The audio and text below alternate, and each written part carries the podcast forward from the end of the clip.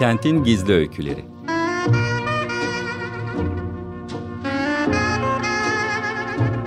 Kentin isimsiz kahramanları ve ilham veren yaşamları. Sıradan İnsan Öyküleri. Hazırlayan ve sunan Kenan Doğan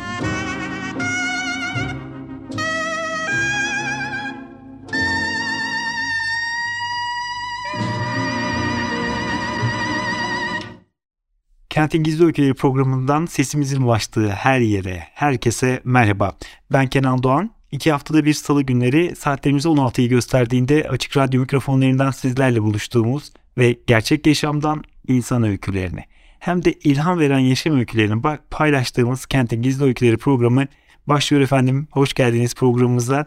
Her programda çok değerli konuklarımız bizlerle birlikte oluyor ve kendi yaşam öykülerini bizlere anlatıyorlar.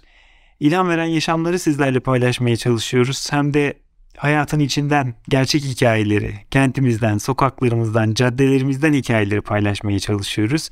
Ama bu hikayelerin hep ortak bir tarafı var ki ilham veren ilginç yaşam öyküleri olmaları, hayata değer katmaları.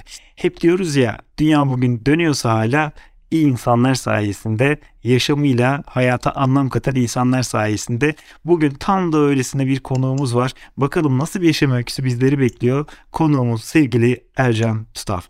Ercan Bey hoş geldiniz programımıza. Hoş bulduk. Çok teşekkür ediyorum yayına dahil ettiğiniz için. Biz teşekkür ederiz yaşam öykünüzü bizlerle paylaşmayı kabul ettiğiniz için. Nasılsınız diye sormak isterim. İyi misiniz? Evet evet gayet gayet iyiyim. Ee, böyle bir gizli kalmamış aslında belki de hayatı anlamaya ve yorumlamaya çalışan bir kişinin e, nasıl olacaksa o ruh haliyle bugün e, size verdiği bu olanağı kullanarak böyle kendi yaşam yolculuğumu böyle küçük küçük böyle köşe taşlarıyla dönüm noktalarını paylaşmaya çalışacağım. Heyecanlı biz de bekleriz. Eski ve iyi bir açık radyo dinleyicisi olarak da muhteşem. E, şey yeniden açık radyoda bir programa konuk olmak e, bir aradan sonra e, şey keyifli geldi yani o yüzden güzel. bir de zaten hani e, sizin gibi değerli bir e, program yapımcısının ve çok bir şekilde başka kanallardan da evet. dostluğumuzun, tanışıklığımızın olması da tabii işin tuzu biberi. O yüzden çok teşekkür ediyorum. Ben teşekkür ederim. Umarım e, böyle bu paylaşımlar bir parçacık böyle gizli saklı kenarda kalmış bir şeyleri açığa çıkartır. Mu muhakkak öyle. Birilerine yani, vesile olur. Kesinlikle öyle. Kentin gizli öyküleri diyoruz ama sizin öykünüz birazcık da gizli değil. Bilindik bir öykü ama bugün ilk defa duyanlar, sizinle ilk defa yol kesişenler varsa muhakkak onlar için de özel bir hikaye olacaktır diye düşünüyorum. Biz zaten bu programda hep şunu ortaya koymaya çalışıyoruz. Sizin yaşam öykünüzü dinlerken belki dinleyicilerimizin arasından birileri de bir şeyleri yapmaya belki cesaret ederler. O an bir kırılma anı olur ya da kafalarında bir soru işareti uyandırırız ya da aa böyle hayatlarda var, böyle şeyler de var deyip ufuk açarız. Böyle derdimiz büyük. İsterseniz hadi hikayenin başına dönelim ve dinleyicilerimizi daha fazla merak ettirmeden ee, başlayalım anlatmaya. Ercan Tutal'ın yaşam öyküsü nerede, ne zaman, nasıl başladı? Teşekkürler. Ya aslında bir taraftan da şimdi böyle tam e, programın böyle girişine hani girizgah yaparken şöyle bir düşündüm. Aslında gizli de bir parça. Çünkü hani bir taraftan sosyal fayda öğretmekle ilgili yapa geldiğimiz şeyler biliniyor olabilir ama e, bütün bu süreç içerisinde kişi hikayesi öne çıkmasın ve aslında kişinin en son yaptığı, en son söylediği söz onun hayatının bir özetidir düşüncesinde ve yaklaşımında olduğum için de geriye yönelik aslında hayatımın böyle birçok önemli alanı paylaşmadım aslında ben. E, çoğu kimse benim e, hayatımı bilmezdi. Evet. O yüzden hakikaten bugün ilginç bir program oldu. Belki programı da siz yani sunuyor olmasaydınız belki kabul etmeyebilirdim. Çok teşekkür ederim. Ee, birazcık da böyle öyle bir şey olacak. Ee, ne kadar bugünlerle bağlantısı var onu zaten şimdi konuşurken birlikte de görüyor olacağız. Evet. Ee, havacı bir e, babanın çocuğuyum ben ama çok ben 7 yaşındayken e, C-130 bu askeri nakliye uçaklarının bir tanesinin işte bir takım talihsizlikler nedeniyle düşmesiyle şehit olmuş. Hava şehidi bir babanın çocuğuyum. Bursa'da doğmadım ama nüfus kağıdım. Bursalı, Eskişehir'de doğdum. Böyle askeri kökenli olanlar ya da işte memur kökenli olanlar bilirler işte aile sürekli 4 senede bir 5 senede bir bir yerlere gider tayinler tayinler. Orada da e, çocuklar doğar bir yerlerde. Ben de işte Eskişehir'de doğdum. E, bir evde doğdum hastanede de değil. Bayağı da zor olmuş annem hep öyle söyler. Çok zor doğdum der. Ebe yardımıyla doğmuşum. E, Eskişehir doğumluyum ve sonrasında tabii maalesef çok erken yaşta biz ben daha 7 yaşındayken hayatı doğru düzgün anlamaya başlamamışken dört kardeşiz biz. Üç kız bir erkek. Ee, ben üçüncü çocuğum. Ee, babam şehit olunca tabii biz apar topar askeri lojmanlardan çıkartılıp e, sistem ediliyor. Çünkü İstanbul'a aile büyüklerimizin yanına geldik ve aslında ben tabii İstanbulluyum. İstanbul'da büyüdüm. Bütün çocukluğum İstanbul'da geçti. Ve işte 7 yaşındayken İstanbul'a geldiniz o zaman evet, değil mi? Evet. 7 yaşında geldiğiniz İstanbul'u hatırlıyor musunuz? Yani Eskişehir'den çok iyi, çok iyi, sonra çok Bursa'dan sonra nasıl çok iyi, his uyandırdı o dönemin İstanbul'u sizin? Çok iyi hatırlıyorum. İstanbul tabii çok güzel bir zamandı. Çünkü İstanbul işte benim ilkokul 2'de, ilkokul 1'i e, Kayseri'de okudum. Çünkü işte babam şehit olduğunda biz yine görev icabı Kayseri'deydik. Kayseri'de bir ilkokula başlayıp işte ilkokul birdeyken olunca bu e, şey bilim durum. Biz işte ailece İstanbul'a göçtük. İkinci sınıftan itibaren ben Bakırköy'de, Bakırköy Bahçelievler'de büyüdüm. Ondan sonra bütün hayatım burada geçti. İlkokulu burada okuduğum için de ve şimdi okul derslerinden hatırlıyorum böyle hayat bilgisi derslerinde falan İstanbul'da nüfusu 2 milyon diye geçerdi. Öyle bir şey hatırlıyorum geriye dönük. Ne güzel yıllar. Yani 2 milyon nüfuslu böyle sokaklarında rahat rahat yürüdüğümüz mahallecilik kültüründe büyümüş bir gençliğimizle e, işte Bakırköy genci olarak büyüdüm. Burada yaşadım. O yüzden tabii ki çok iyi hatırlıyorum o dönemin trafiğini, işte insan ilişkilerini, esnaf ilişkilerini, gerçekten mahalle kültürü içerisinde büyüdüğümüzü falan böyle geriye dönük nostalji yapmak istediğimizde düşündüğümüz her şey mahallelerde evlerin kapılarını kapatmadığımız işte herkesin birbiriyle bir şey paylaştığı ve sanki sonrasında işte bizim bilinen öykülerimize doğru gel ipucu veren şeylere böyle geriye dönüp baktığımda e, biz böyle mahallede e, bir araya gelip kitap okuyan, e, bir araya gelip işte long play'lerden e, kaliteli müzik dinleyen böyle Pink Floyd'lar işte Animals'lar, Who'lar bilmem neler, Yes'ler falan böyle Led Zeppelin'ler falan dinleyen bir e, gençlik yaşadık. E, bir yandan çok fazla kitap okuyup böyle tartışırdık. Böyle herkes okuduğu bir kitabı anlatırdı vesaire falan. Ve en önemlisi de sanki e, çok böyle dost, dostane ve paylaşım odaklı bir işbirliği ile büyüdüğümüzü düşünüyorum.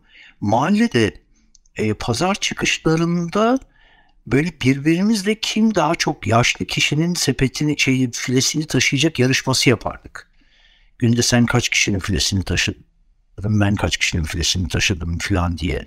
Dolayısıyla böyle sanki e, birilerine yardım etmek, birilerinin işte üzerinden bir yükü almak vesaire böyle hani çocukluk yıllarımıza dayanıyor diye düşünüyorum. Muhakkak. Dayanışmayla, birliktelik ruhuyla aslında yaşamayı, birbirimize destek olmayı ve birlikte bir şeyleri başarmanın o güzel duygusunu hisseden çocuklar bugün de aynısını hayatlarına yansıtıyorlar diye düşünüyorum. Hikayenin geri kalan kısmında bunu daha net anlayacağız. Şu an ne demek istediğimizi dinleyicilerimiz de daha net anlayacak.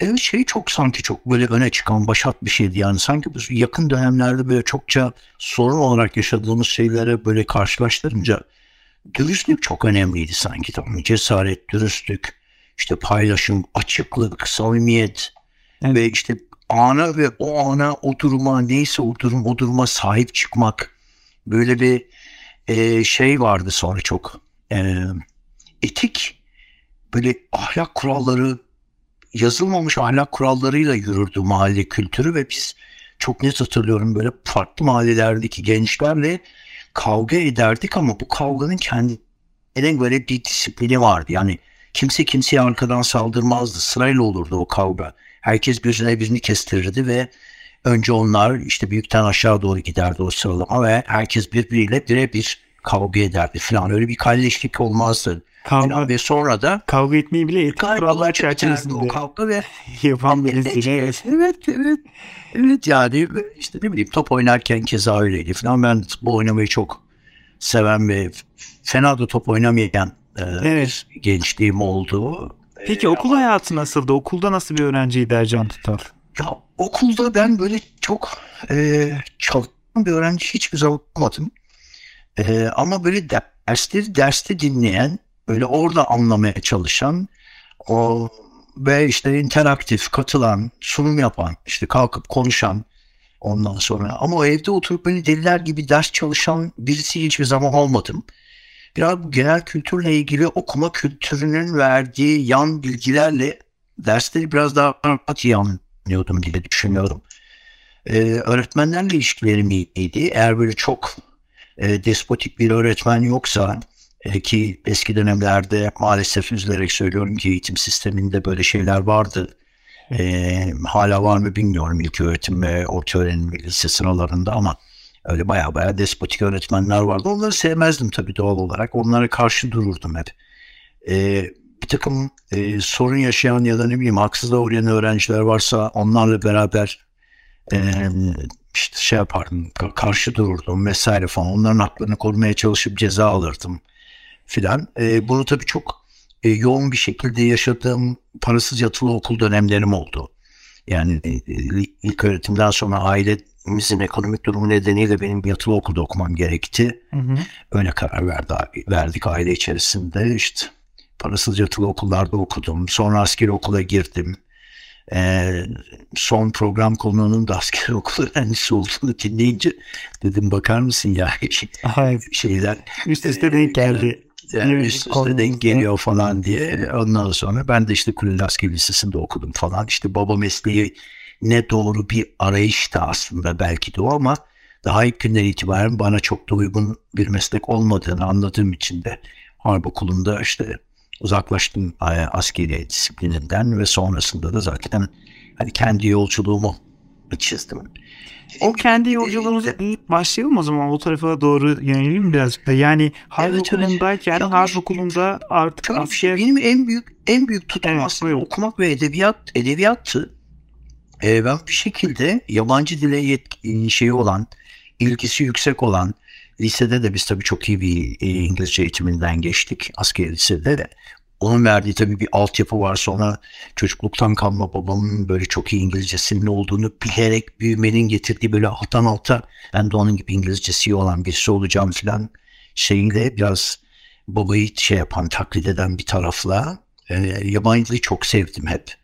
E, İngilizce sonra üzerine İtalyanca otodidaktik olarak İtalyanca öğrenmeye başladım kendi kendime. Sonra biraz İspanyolca işte biraz Latince biraz bilmem ne falan derken kendime şey hedefi koydum. Ben dedim yani çevirmen olacağım. E, ve o dönemlerde Türkiye'de İtalyan edebiyatının eserlerinin ağırlıklı olarak İspanyolcadan e, ya da başka dillerden Türkçe'ye çevrildiğini tespit ettim. Çok az İtalyanca, direkt doğrudan İtalyanca çevirmen vardı ve Türkiye edebiyatının İtalyanca'ya, İtalyan edebiyatının Türkçe'ye çevrilmesiyle ilgili kendime böyle bir hedef koydum. E, bu benim şiire ve kısa hikaye ve öykülere olan tutkumla da bağlantılıydı. Çünkü bir yandan şiir falan da yazıyordum. Şiir çevirisi beni çok e, cezbetti. Ve bu yolculuk beni bir şekilde e, kendi kendine çok iyi İtalyanca öğrenmiş ama bunu asla sokakta hiç kimseyle tek kelime bile konuşmamış biri olarak önce İtalya'ya sürükledi. Orada İtalya'da e, sokağın çok dayağını yedim. yani gazete bile sipariş edemeyen ama bütün gramer kurallarını böyle yüzde yüz bir İtalyanca edebiyat öğretmeni kadar iyi bilen birisi olarak ama bilet alamayan filan trene bilet alamıyorum mesela cümleyi kuramıyorum çünkü o kadar e, üst seviye böyle kitaptan öğrenmişim ki sokak diline bir türlü geçiş yapamadım falan ama tabii bu İtalyanca olan hiç azaltmadı. E, çok Evet. sevdiğim birkaç şairin e, şiirlerini çevirdim. Sonra birdenbire yolum Almanya'ya düştü ve e, orada hadi dedim bir daha bir, üniversitede okuyayım ve İngiliz ve İtalyan dili edebiyatına e, kendimi kabul ettirdim. E, dolayısıyla bu kendi kendine edinilmiş bilgiyi e, bu sefer akademik bir platformda da pekiştirme şansım oldu. Yani İtalyancamı geliştirdim. O arada tabii ki Almanca öğrendim. Almanya'da yaşıyor olduğum için.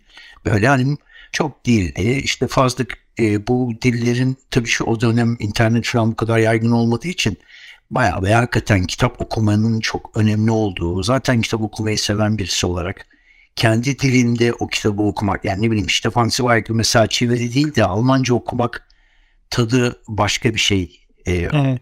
diye düşünüp hani işte Calvino'ları vesaire filan İtalyancadan okuma, okuyan e, birisi olmak e, ve işte belki de kendi şiirlerimin ya da ne bileyim Türkiye'deki önemli çok önemli şairlerin şiirlerini İtalyanca'ya çevirip e, İtalya'da e, onlara böyle bir hayran kitlesi yaratmakla ilgili çok ciddi bir çabaya girdim. Bir sürü şiir çevirisi yaptım. Yayınlamadım tabii hiçbirisini ama e, onlar hala böyle hazinem olarak dururlar. Evet. Süremiz de hızlı ilerliyor Ercan Bey. O yüzden isterseniz biraz daha hızlanarak anlatalım bundan evet, sonrasını. Bunlar hemen hızlıca. Almanya'dan sonra ne oldu hayatınızda? Ee, ya şöyle bir şey oldu aslında. Bir yandan böyle edebiyat edebiyat o bu falan filan derken e, tabii ki e, yaşam biçimimiz, aileden aldığımız terbiye ve benzeri böyle geriye dönüp bir sürü gerekçe bulabiliriz ama sosyal fayda üretmek, başkalarıyla yani başkalarının derdini dert edinmek, başkaları ağlıyorsa sen de ağlıyorsun, başkaları gülüyorsa sen de gülüyorsun gibi bir kültürle büyümüş birisi olarak da e, beni böyle hep e, toplumsal dışlanmaya maruz bırakılan herkes çok ilgilendirdi. Bütün hayatım boyunca ama Almanya'da bu bende çok böyle farklı bir bilince ulaştı. Çünkü orada böyle bir dışlamanın dramatize edilmediğini, sosyal hizmet sisteminin inanılmaz güzel bir şekilde bu insanların ihtiyaçlarını karşıladığını ve herkesin toplumda eşit olarak yer aldığını gözlemleme şansım oldu. Ben de bu bayağı ciddi bir dönüm noktası oldu ve dedim ki Ercan tamam sen misyonunu buldun kardeşim ve ne olur bildiğin en önemli şeylerini hepsini üst üste koy ki bunların içerisinde işte tabii ki bütün bu e, genel kültür, işte edebiyat, dil bilgisi, yabancı dilleri biliyor olmak, işte spora dair bir sürü bilginin olması, iyi bir dalış eğitmeni olmak ve benzeri outdoor sporlarıyla işli dışlı olmak falan bütün bu becerilerin hepsini bir araya getirip dedim ki Türkiye'ye geri dönüp hızlı bir şekilde engelli bireylerin toplumsal hayatta katılımı ile ilgili projeler geliştirip bunları gönüllü olarak uygulamak üzere bir misyon edindim. Peki neler yaptın Türkiye'ye dönüp? Döner dönmez işte Türkiye'ye 97 yılında döndüm Almanya'dan ve hemen e, böyle dalmak özgürlüktür diye bir proje başlattım. Çünkü biz çocukken e, Jacques Cousteau'nun belgesellerini izlerdik. İşte okyanus dünyalarını ve balıkların dünyasını falan hep ondan öğrenmişizdir. Cousteau belgeselleri izlenirdi. Onun oğlu Jean-Michel Cousteau bir belgesel yapmıştı 97 yılında. Bir 91'de bir 97 yılında. Ben bunlardan e, bunlarla ilgili bir makale okuma şansım oldu. E, ve oradan kendime de bir pay biçtim. Dedim ki tamam yani o zaman ben niye yapmıyorum? Ve öyle bir hedef koydum kendime. Nitekim Türkiye'de başlattığım Dalmak Özgürlüktür çalışmasını tıpkı Jean-Michel Cousteau'nun Fiji adalarında yaptığı gibi Kızıldeniz'e giderek bir Diving is Freedom diye bir belgesel çektim. Ee, buradan farklı engel grubundan bireyleri götürüp onlara dalış öğrettik. Onlar işte bu dalış serüvenini yaşadılar falan. Buradaki ama sadece spor yaptırmak değildi de bir spor branşı aracılığıyla bunun yapılabilirliği üzerinden aslında herkesin fırsat sağlandığında toplumdaki bütün e, e, duvarın öbür tarafında bırakılan alanlara erişebileceğini göstermekti. Yani Peki bu projeden değişim hikayesiydi. Evet. Peki bu projeden sonra ne oldu? Şöyle bir şey söyleyeyim. Çok özür dilerim. Dediğim gibi süremiz hızla ilerliyor. İstiyorum ki yaptığınız o güzel çalışmaların hepsini paylaşalım. O yüzden tamam. biraz daha hızlanmanızı rica edeceğim. Hemen. Dalmak özgürlükten sonra neler oldu? Arkasından hemen alternatif kampı kurdum. Alternatif kamp diye spor eğitim entegrasyon konseptli bir kamp açtım. Bodrum'da arkasından Bodrum, Van, Sinop, Fatsa, Artvin buralarda geçici kamplar, uzun dönemli kamplar vesaire açarak on binlerce engelli bireyin ücretsiz olarak e, bu kamplardan faydalanmasını sağladık. Sonra Düşler Akademisi'ni kurdum. Düşler Akademisi bu sefer tabii alternatif bir sanat akademisi olarak yine engelli, sosyal dezavantajlı bireylere ücretsiz olarak kültüre ve sanata dair her türlü eğitime erişmek, onu üretmek ve onu tüketmekle ilgili bir e, kapılar pencereler açan bir proje olarak sadece Türkiye'de değil işte şimdi Kosova'da bir tane Düşler Akademisi var, Dreams Akademi, Kanada'da var. Bir ara Küba'da açmak üzereydik ama direkten döndük falan. E, Türkiye'nin birçok e, bölgesinde de Düşler Akademisi diğer projelerle beraber kendi içerisinde bir sosyal girişim yolculuğu olarak e, Ashoka Fellow'uyum bu arada ben. Bir sosyal girişim yolculuğu olarak bir sürü e, kişinin tamamen dışlanmış, işte hayatın dışında kalan bireyin aktif, eşit, daha insan, ancak daha özgür bir şekilde hayatın içinde olmasına vesile oldu, oldu. E, bir zincir halinde bir sosyal girişimlerdi bunlar. E, Kaş'ta ve İstanbul'daki Düşler Akademisi girişimlerini de e, çok yakın dönemde İzmir, Urla'ya taşıdık ve şimdi e, böyle e, sürenin sonlarına doğru gelirken de bir müşteri bir haber olarak artık Ege Denizi'nde, Urla'da hem alternatif kamp hem Düşler Akademisi hem de Düşler Akademisi'nin çok doğurgan bir proje olması nedeniyle içindeki Mehmet Ulu Müzik Evi, Social Inclusion Band, Düşler Mutfağı, D Film ve benzeri gibi alt projelerin, Engelsiz Yaşam Laboratuvarı ismindeki inovasyon projemiz. Ki bunların hepsi tamamen sadece Türkiye'de değil, dünya ölçeğinde de engelli bireylerin yaşam kalitelerini yükseltmek ve hayata hakikaten aktif ve eşit katılımı için dramatizasyon ve ajitasyon yapmadan e, herhangi bir böyle bir charity gibi işte yardım ve bağış kampanyaları yapmadan insana yakışır, kapsayıcı e, ve ana akım yaşam alanlarının içerisinde olmalarını sağlayan yenilikçi projelerdir. E, artık bütün bunların hepsini ana merkez, komanda merkezi İzmir, Urla olmak üzere buradan yürütüyor olacağız. Ne güzel. Gönüllü temelli bir çalışma Hayırlı olsun için size. Bütün bugüne kadar bizde gönüllülük yapan herkese, şimdi bu programı dinleyerek ya ben de aslında bir tarafından tutmak istiyorum diyenlere de ayder.org.tr web sitesinden e, bir form doldurarak e, gönüllülük yapmak üzere başvuru yapabilirler. E, bizimle birlikte bu gönüllü yolculuğu paylaşabilirler. E, yeni adresimiz Urla diyerek böyle bir final. Evet. Ben size birkaç şey sormak istiyorum tabii ki. Şöyle Tabii ki. kendiniz anlattınız aslında ifade ettiniz. E, engelli bireylerin e, acitasyon yapmadan hayatın içerisinde var olmaları ve herhangi bir ayrıma maruz kalmamaları için siz onların hayatını daha erişilebilir hale getirecek alternatif bir yaşam mümkün olduğuna inanarak e, yıllardır binlerce insanın hayatını dokunan çok değerli çalışmalar yaptınız. Ve az önce de söylediğiniz gibi Alternatif Yaşam Derneği'nin 25 sene aile olmuş evet. 25 senedir Ayder'in de kurucusunuz. Üstler Atı- Akademisi gibi e, birçok güzel projenin hayata geçen e, ve gerçekten sosyal etki yaratan. Bunu da altını çizmek istiyorum. Birçok Evet. proje var biliyorsunuz dünyada ve Türkiye'de ama ne yazık ki ne kadar etkisi var, ne kadar insanların yaşamını değiştirdi ve neye etkilediğimizde karşılığını çok bulamıyoruz ama sonuna kadar herhalde bunu gördüğümüz hikayelerin kahramanlarından bir tanesiniz. Peki tekrar dönersek Ercan Tutal'ın yaşam öyküsüne. Geriye dönüp baktığınızda yaşamınıza ne diyorsunuz? Nasıl bir öyküydü öykünüz? Valla ben hayatımın her aşamasından bütün yaşadığım zorluklar dahil olmak üzere hayatımın her aşamasından gayet memnunum. Pişmanlık duyduğum hiçbir şey yok. Ee, iyi ki iyi ki yaşadım demiyorum. İyi ki babam öldü demiyorum mesela. Ama yani e, evet yani bu hayatın bir gerçeği olarak yaşandı. Keşke yaşanmasaydı.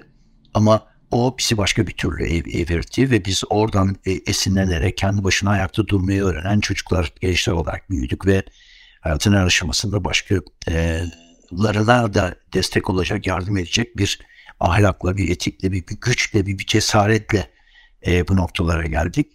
İyi ki öyle olmuş ve iyi ki ben hayatımın son 25 yılını bir çeyrek asır dile kolay geliyor ama e, sadece kendi o ve ailem odaklı yani kendi egosantrik hayatımın çevresinde değil de e, işte tabii ki Van'daki, tabii ki Diyarbakır'daki, tabii ki Konya'daki, Adıyaman'daki, işte ne bileyim Hatay'daki, İstanbul'daki, Kağıthane'deki hiç kendilerini hiçbir şekilde tanımadığım e, ama var olduklarını bildiğim ve hiç aslında bunları hak etmemişken e, sadece bir takım fiziksel, zihinsel ya da gör, e, görünüşe dayalı farklılıklar olduğu için e, haksızlıklara, adaletsizliklere uğramış, dışlanmış bireylere adamış olmanın verdiği huzur ve rahatlıkla o binlerce insanın hayatında e, işte Düşler Akademisi'nin logosu deniz yıldızıdır. Böyle bir e, onu hikaye olmaktan, böyle bir işte sunum konusu olmaktan e, retorikten çıkartıp gerçeğe dönüştürdüğümüz gerçekten Evet. insanların deniz yıldızı gibi hayata attığımız, attığımızı bildiğimiz ve onların hepsinin geri dönüşlerini de yaşadığımız biraz önce söylediğiniz gibi etkisini, sonucunu, çıktısını, etkisini o değişim hikayeleriyle binlerce kişinin değişim hikayesiyle dolu bir hayatım var. O Ne güzel. kendimi çok zengin ve Ne mutlu hissediyorum. Çok teşekkür ediyoruz. Bugün programımıza konuk olduğunuz, yaşam öykünüzü paylaştığınız için de çok teşekkür ediyoruz. Süremizin sonuna geldik. E, iyi ki varsınız. Yolunuz açık olsun. Ben- Bu hikayeleşim çok daha güzelliklere yol doğru yol alacak. Çok teşekkürler. Sağ olun. Ben, ben çok teşekkür ediyorum. Tabii 25 yıllık bir sosyal hikaye 25 dakikada anlatılamıyor. Ama olduğu kadar e, teşekkür ediyorum bu vesileyle Biz teşekkür ederiz. konuk ettiğiniz için. Çok sağ olun. Kentin gizli hikayelerinin bir bölümünün gizli ve sırrı kalkmış oldu böylece. Kesinlikle. Çok teşekkürler. Hoşçakalın. Teşekkür ediyorum. İyi yayınlar. Sağ olun. Çalışma. Evet efendim bugün de programımızın sonuna geldik. Kendisinin de anlattığı gibi aslında 25 yıllık sosyal fayda odaklı adanmış bir yaşam ama eee, bütün hayatına baktığınızda Ercan Tutal'ın ilham veren bir yaşam öyküsüydü bugün sizlerle tanıştırmak istediğimiz, paylaşmak istediğimiz. O sadece kendisi kendi hayatına odaklansaydı dile getirdiği gibi başka bir hayat yaşayabilirdi belki ama o ömrünü yeti farklılığı olan tırnak içinde söylüyorum engelli bireylerin hayata dahil olmaları için harcamış. Gerçekten de umut veren bir hikayeydi. Ve iki hafta sonra salı günü saatlerimiz 16'yı gösterdiğinde bizler Açık Radyo mikrofonlarından Kentte Gizli Öyküleri programıyla tekrar burada olacağız efendim. Sizleri de bekleriz. Ben Kenan Doğan ve Teknik Masa'daki Açık Radyo çalışan değerli arkadaşlarımla birlikte sizlere sağlıklı günler diliyoruz. Hoşçakalın.